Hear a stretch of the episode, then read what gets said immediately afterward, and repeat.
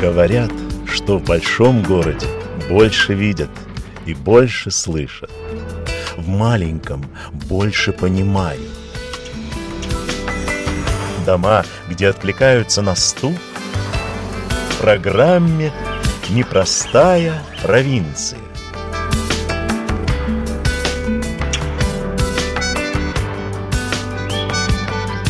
Программу «Непростая провинция» также можно послушать на веб-сайте Латвийского радио 4 LR4 LV на всех основных платформах потокового вещания подкастов. Здравствуйте, я Ольга Гудис. Мы продолжаем гостить на окраине Салдуса в Новоднекской волости Салдусского края. Остановка называется «Консервный цех». Здесь работает фирма, которая производит овощные консервы супы, гарниры, салаты под своей маркой Фрауенбургас Гардумы. Фрауенбург – это старинное название Салдуса, а также делает продукцию для других фирм под заказ. В прошлой программе мы познакомились с технологом Светланой Верхун, которую три года назад пригласили сюда из Украины, и Айнисом Струманисом – руководителем и совладельцем фирмы, который до этого работал на руководящей же должности Латвийской железной дороги, а еще раньше в таможне, а еще раньше серьезно занимался легкой атлетикой и был даже чемпионом по прыжкам в высоту в своем училище в Канделе. На этом мы и остановились.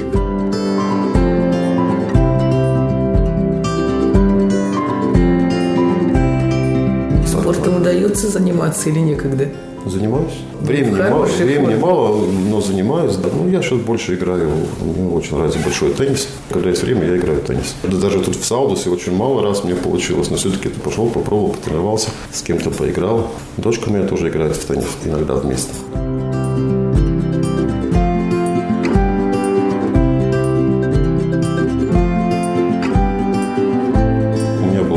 законченное высшее образование. И в то время менялся закон, что уже была служба доходов, что в будущем без высшего образования работать нельзя будет. Вот мы вместе с женой поступили в старт Латвийского экономического сакару Мойтес институт. Институт международных отношений и таможни. Мы были первые в этом институте. И вот закончили. Потом меня пригласили руководить Твемской таможней. Проработал там то ли 4, то ли 5 лет, уже не помню. А жена тоже в таможне работала? Да, жена работала в таможне. Там мы познакомились, можно сказать, что это был такой служебный роман.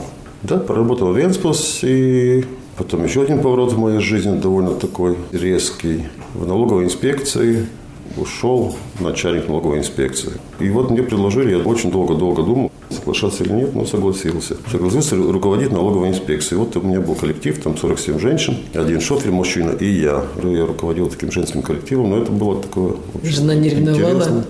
Ну, жена тоже там работала. А, то есть под присмотром. Да, но она работала в таможне, но тоже было одно хозяйство тогда, поскольку начальник налоговой инспекции, он был и замом директора службы доходов. Вот я проработал там какое-то время. Тогда вам здесь не страшна налоговая инспекция? Вы знаете, что им надо, что ну, там... Налоговую инспекцию бояться не надо. Ну, зачем бояться? Потом создавался уже Кожинский регион службы доходов. Он был в Кулдыге. Тогда меня уже жизнь туда забросила. Тогда надо было создавать департамент по контролю и аудиту. Я тогда там работал. Этот департамент создал. Я проработал там примерно два года. Дальше уже была реорганизация железной дороги. И меня пригласили идти туда. А как вас находят? Пригласили Очень там, трудно. пригласили тут. Ну, потому что там везде понятно, таможенная семья, она не такая уже большая. Мы все учились в институте. Вот это все видели и руководители, и, и таможенных департаментов. Мы же как бы были везде на виду, те, которые там учились, которые что-то могли. Поэтому я думаю... То есть маленькая Латвия, Маленькая да? Латвия, конечно. Именно поэтому, что я работал с налогами и в службе доходов. Я думаю, что меня пригласили в дорогу именно по финансовой части. Я уже потом перешел больше на производство и на содержание латвийской железной дороги. А изначально туда шел по финансовым вопросам. Где вам лучше всего было? Сердце вот к чему? Ой, очень сложно. Я не жалею ни один момент, ни когда работал в таможне, ни когда работал в налоговой. Нет, нет, везде было очень интересно. Всегда и везде везло с коллективом. Но здесь же тоже у вас женский коллектив, как я поняла. Ну, Светлана говорит, девочки стоят, девочки тут. Да ну, не только. Мужчина видел с пылесосом. Женщин, конечно, вот видите, у нас мужчина с пылесосом ходит. Коллектив, да, женщин много работают, и это понятно. Но и мужчина, мужчина тоже есть. Какая разница, женщина или мужчина? Главное, чтобы коллектив был хороший. А он тут прекрасный коллектив. А Светлана раньше, чем вы здесь оказалась? Да, немного да? раньше, примерно на год. А здесь ушел директор? Ну, да, ушел руководитель производства, ушел один из партнеров, и тогда второй партнер пригласил меня. Я согласился с большим удовольствием.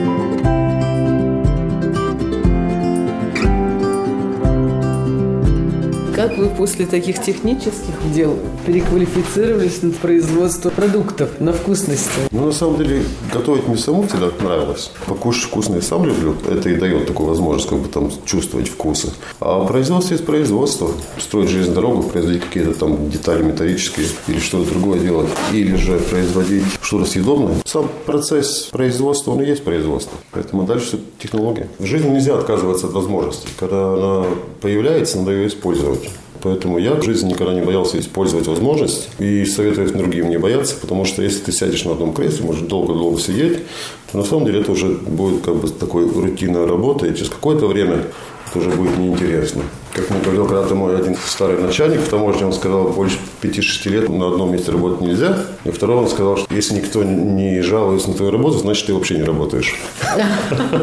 Вот, ну, это, конечно, может быть не очень правильно, но нельзя бояться какие-то там вызовы принимать. Было предложение, я так обдумывал, обдумывал.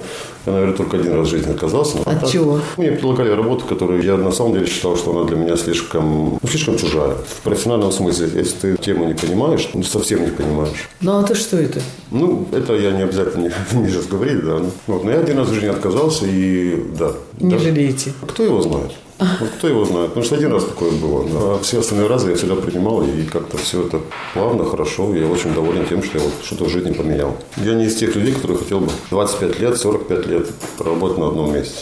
Наверное, нет. Кроме, конечно, если это частное предприятие. Ну, это значит, я понимаю, что я вот тут, скорее всего, вот с этим предприятием буду всегда. Как, как партнер. партнер. То есть можно сказать, что вы хозяин, полухозяин. Не один, нет, как партнер. То есть вы как просто руководитель. Я думаю, да. Вот это вот тоже очень интересно, как человек себя чувствует, что он уже родился руководителем. Нет, я-то никогда так не, не, не чувствую, что я родился руководителем. Ну, такое призвание, Ну, так что просто у меня так в жизни получилось, да, что как Случайно Везде, где что-то создается новое, там вот как-то я последние 20, Приглашают 20, руководителя. лет, да, как-то так получилось. Я никогда ничем не руководила и, наверное, бы не могла.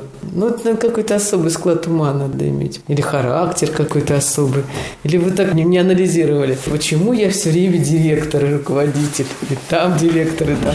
Нет, я так специально не анализировал, конечно, не думал об этом. Мы же до этого говорили, что страна маленькая. Где то работаешь, где-то кто-то тебя замечает, значит, ты где-то уже засветился. Если с кем-то ты знаком, они уже смотрят, как, кого, где, куда, как можно предложить. У меня именно так и получалось, на самом деле, постоянно. Потому что я одну работу сделал, еще куда-то сделал там работу. Так, наверное, оно и шло. Особенно в железной дороге создали одно предприятие, потом второе предприятие. Потом же и большое управление пригласили. Но я участвовал в конкурсе. Пригласили, ходи, участвуй в конкурсе. Резюме уже было довольно серьезно, это уже несложно. И конкурс выиграть. Мы должны быть президентами, но такими хорошими президентами, чтобы все работало, все производилось.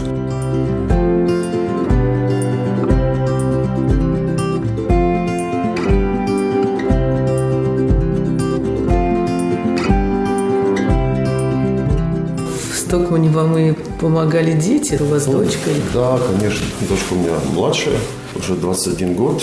И моменты, когда надо где-то помогать. Были Рикофуд, у нас было Стокмане, приходит, помогает. И... А где учится?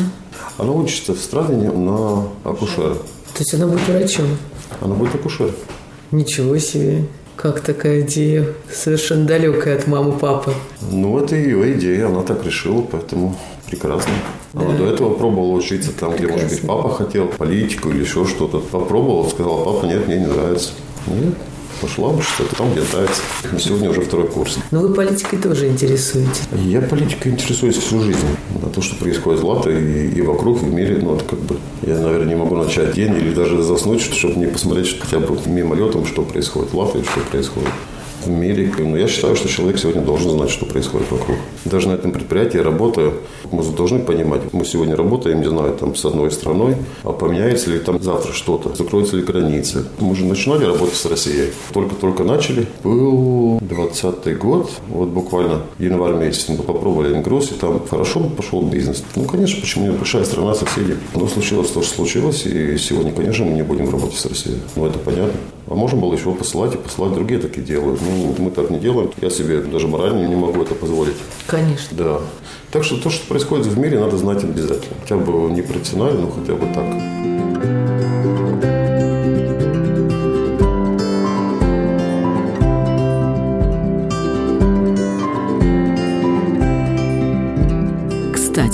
Салдусе есть такая общественная волонтерская организация Мусу Лыгста, через которую фирма ежемесячно, как помощь, посылает свою продукцию в Украину, больше для армии.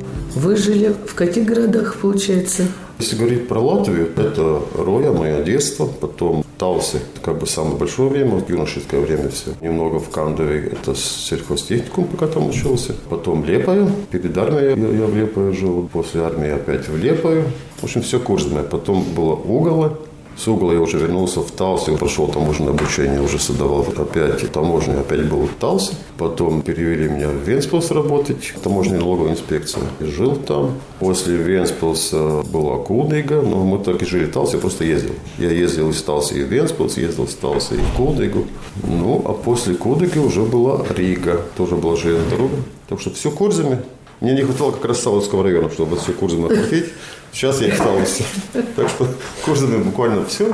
Ну и столица Рига. Не переедете в Салдус? Кто его знает? Я думаю, что нет, потому что мы с женой купили и развиваем очень-очень старинную такую маленькую недвижимость, очень старинная водяная мельница. Такой маленький поселок Дурсупе. Вот мы там три года уже проводим свое свободное время, чтобы приводить в порядок там территорию там, и понемногу заниматься чем-то. Это Талский район, буквально там 17 километров от Талса. Очень понравилось нам такое. Мы нашли в исторических документах, когда первый раз эту мельницу вообще кто-то где-то назвал. 1571 год. Это красота. Сейчас у нас там есть свой садик. Я там виноград посадил, пробую заниматься винами. Так что нет, скорее всего, что уже все. Мы уже решили уже с семейством, что нас, мы создаем одно место и будем жить только там. Ну, когда конечно, закончим строительство. А работать можно и в Саудовсе, работать можно и в Риге, это не так страшно. Для нашей маленькой страны надо просто быть мобильными и все.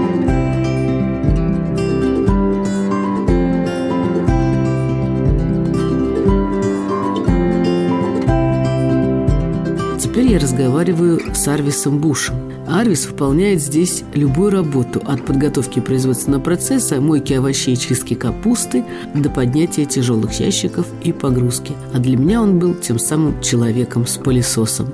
Арвис, вы здесь давно работаете, именно здесь? Теперь уже второй раз где-то от 2017 года. Первый раз как? А, первый раз в 2001, втором и третьем. Но тогда были большие проблемы. Зарплаты не было, трудно было. А вы в Салдусе живете или здесь? Ну да, Салдус. Новник Пагас, так он Димтайс Пагас. А там возле океана, ну его называют океаном, вроде такой там пляж. То есть озеро? Там а, есть а, родной дом. Ваш родной дом – это хутор? Да. Вы там родились да. и росли? Да, школа, сад Сатыни. Там учился и заканчивал 90-е годы, 90-е годы. Здесь работает механик тоже, он равноклассники с механиком, здесь работает. Но вы тогда помните, что здесь было в советское время? В советское время здесь был тоже концерный тех. И что делали? Марутки, там ассорты всякие, огурцами, помидорами, и как это напиток будет по-русски? Пауса. Что-то вроде шампанского, но только не шампанское. Безалкогольное. Безалкогольное какое Ну да. Сидр, да? Ну, ну да, вроде этого. Яблочный сок.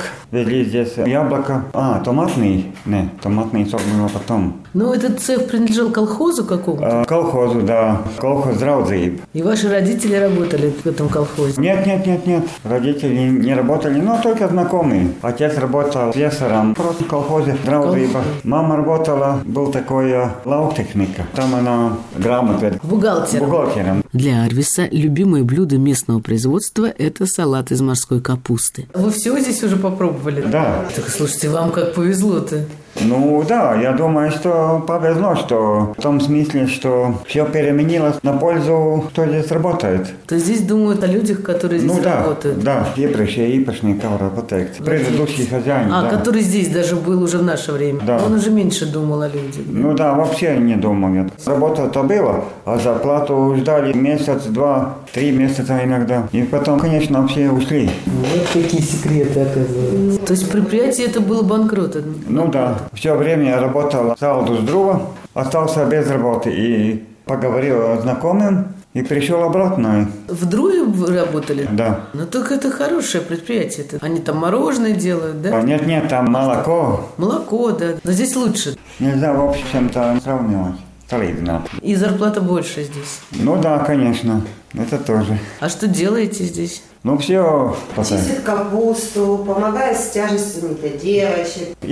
mums sagatavo, nu, ko kas vajadzīgs ir ražošanā. Приготовляете все, что нужно для производства? Ну да, да. Вот я видела, вы пылесосите там. Ну да, чтобы чисто было там все, пока нет производства. То есть вам не говорят, что надо делать, вы сами Ну да. видите, в что надо принципе- делать. Ну да, в принципе, да. Самому есть такой интерес, чтобы делать что-то.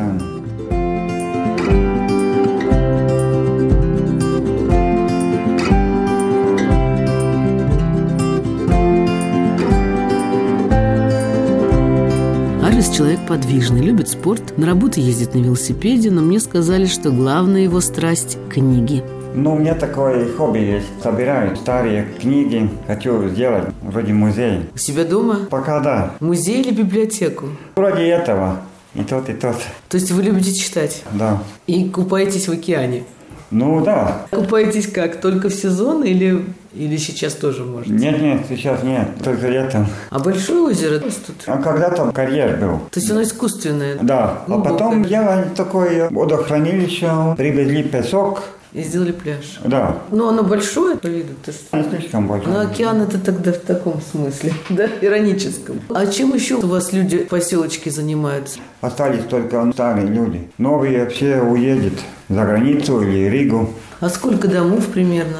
Три или четыре дома только. Дочки у него есть. Два дочки и мальчик. Трое детей. А жена здесь работает тоже? Э, Жена работает Салдус э, почта, почтальон. Тяжелая работа. Ну да, но тяжело, я думаю, только зимой. Тоже на велосипеде ездит? Теперь на велосипеде, да. Было время, когда с машиной Дети? Дочь уже большая, 16 лет. Вторая дочь 13. Ну, школьники все еще. Школьники, да. Да. И а мальчику учатся?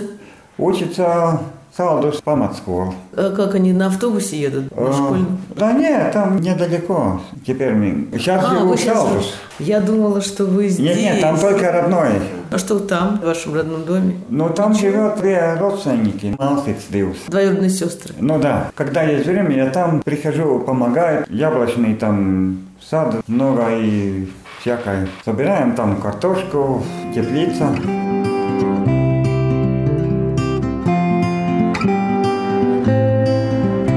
Я попросила Арвиса рассказать что-то интересное из своей жизни. В 95 и 6 году я был пограничник, и там много были мальчики, и говорили только по-русски. И остальные тоже старались. Не было никаких там конфликтов или что-то. Русский этот и что, мне не было так. Все были много дружно. Не было такое отношение, как сейчас. он. Ну, О, а пограничник это вы где были? На какой границе? Тогда еще не был э, Евросоюз.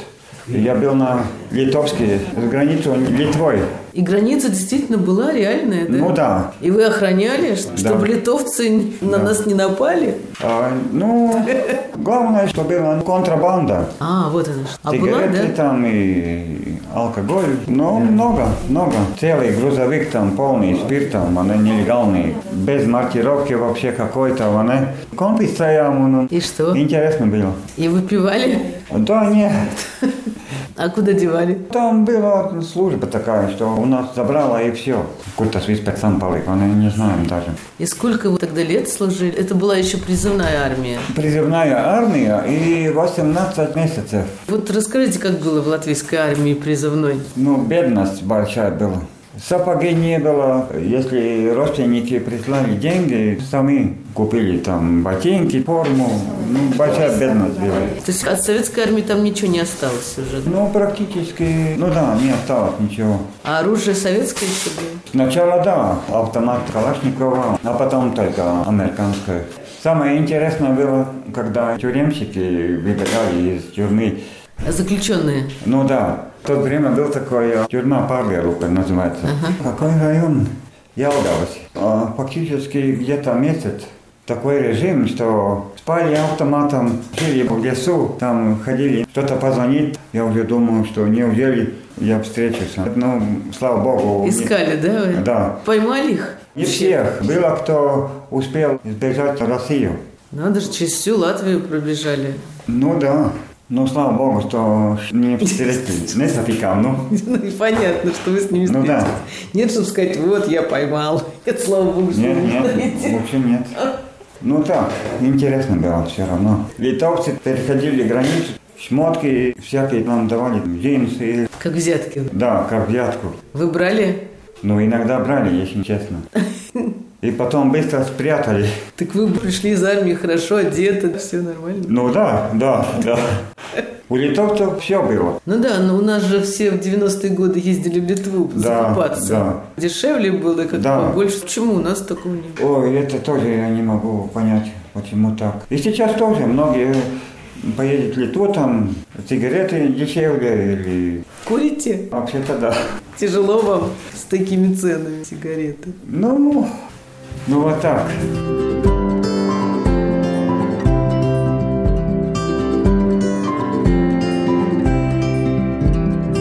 В коллективе вместе с технологом Светланой, менеджером Агнесой и Анис, который еще и сам развозит продукцию, всего 17 человек, но молодежи мало. Коллектив, я думаю, как бы устаканился, уже такой более-менее стабильный. Такая молодежь, которая надо сразу много денег и мало работать, то, конечно, нет. Тут надо работать. Надо работать. Работа не- нелегкая, на самом деле. Тем, кто обрабатывает овощи, там и сыр. Там все-таки надо И прохладно, быстро шевелить руками. Ну, нет, когда мы включаем пара- А, паровое же все отопление, ну нет, да, нет. здесь тут- тут- варится, Тут даже да. жарко. Но все-таки сыр съест, работать надо быстро, руками быстро работать, конвейер движется. И есть, конечно, такие молодые, которые приходят и уходят. Но есть довольно молодые девчонки, работают сегодня. С удовольствием второй сезон уже ничего. То, что мы говорили о нашей продукции, то у нас очень хорошая новость. Вот была выставка Рига Food 2023. И после этого нам предложили участвовать в конкурсе, латвийский конкурс «Новода Гарша». Такой солидный конкурс. Там жюри и из ресторанного бизнеса, и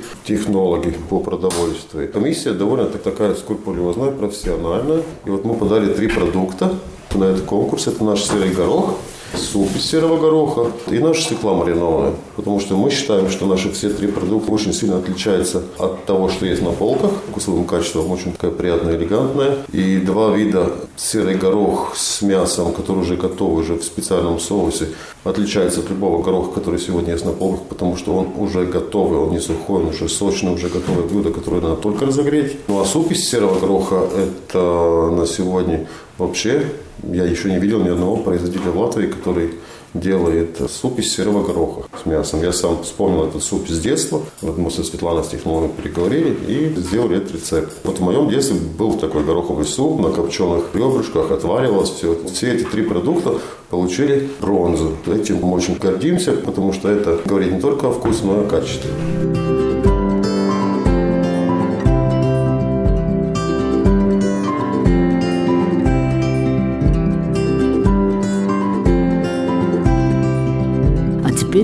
Святая святых на втором этаже в творческой лаборатории технолога Светланы Верху.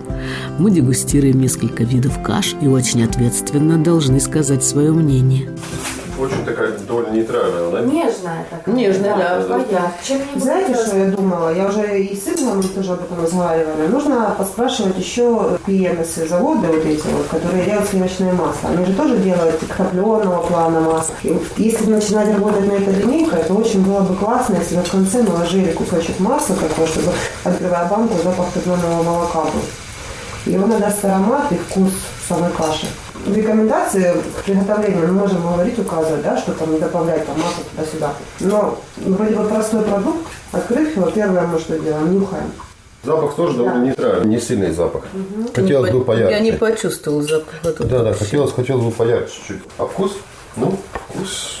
Но вот запах придаст именно топленое масло или само сливочное масло. Без консервантов, без всяких разных вредных там таких. Какой-то вообще экзотичный. Но все равно даже, я думаю, можно найти какие, которые были бы. И пусть это будет немного, но это будет влиять на аромат и запах самой каши. Тут копченость, да? А карту блин, да? Во второй я таки сделала, то, что Агнеса не любит. Но я его не пробовала еще. Это типа курзамского традиционного. Бегусис, я? Делай. Как он? Бу, бу. Бегусис, О. да? Да. Я его все никак не выучу, как он А бегузис это что? Курзамские традициональное блюдо.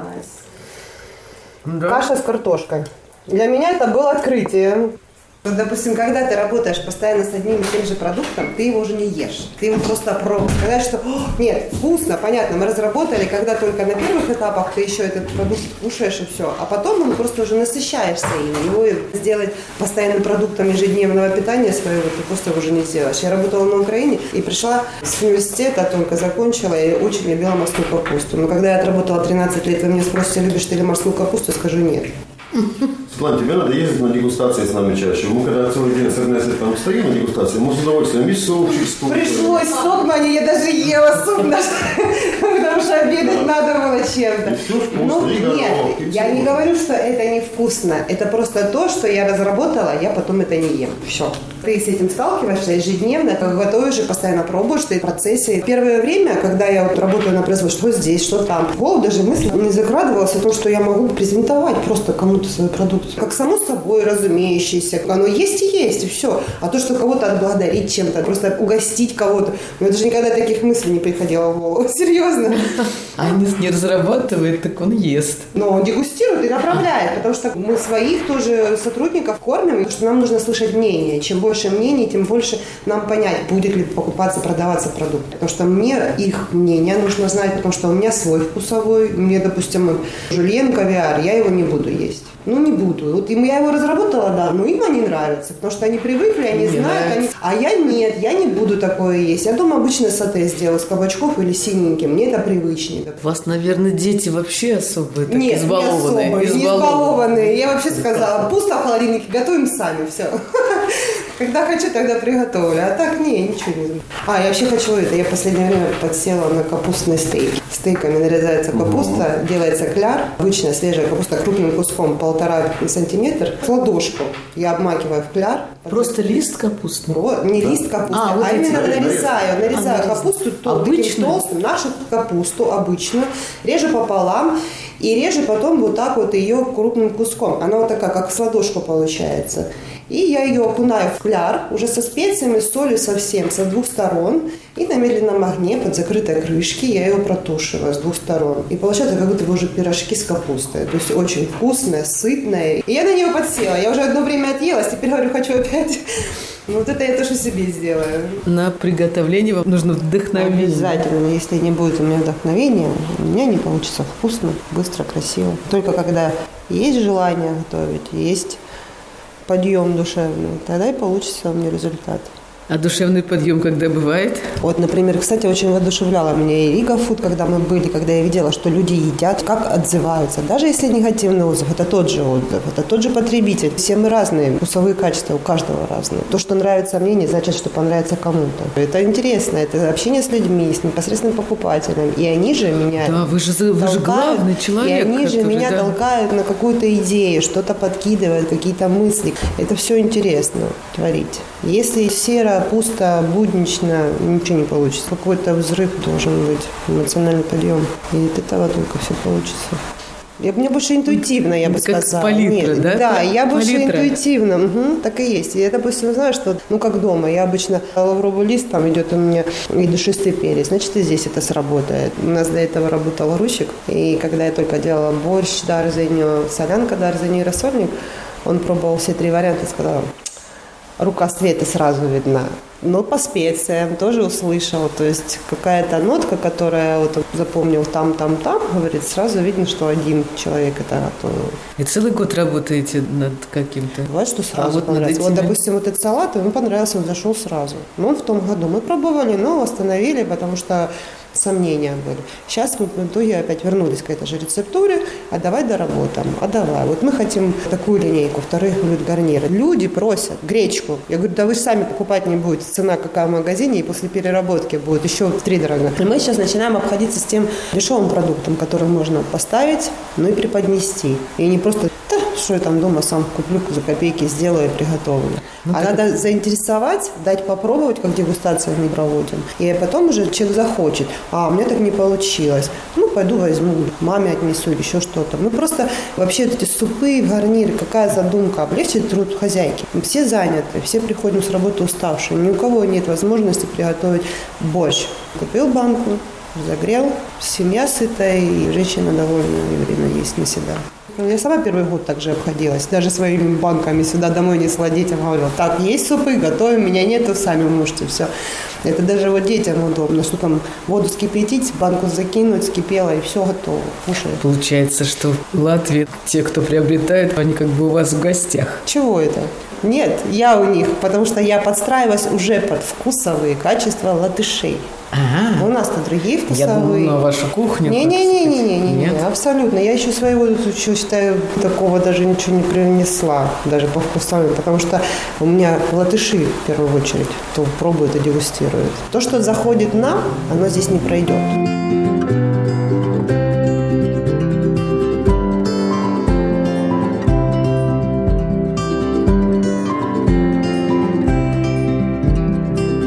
Сегодня в Салдовском крае Новоднекской волости мы беседовали с работниками фирмы, производящей овощные консервы Айнисом Стурманисом, который не боится менять места работы, принимая новые вызовы, рабочим Арвисом Бушем, мечтающим создать музей-библиотеку, и технологом Светланой Верх, которая считает, что работа со вкусами и приправами подобна творчеству на палитре художника. С вами была «Непростая провинция», редактор компьютерного монтажа Инга Бедела, автор программы Ольга Гудис. Если вам понравилось понравился этот подкаст, порекомендуйте его своим друзьям и поделитесь им в социальных сетях. Нажмите сердечко или поставьте пятизвездочную оценку платформе, на которой вы нас слушаете. Спасибо. Всего вам доброго. До встречи через неделю. И с наступающим Новым годом!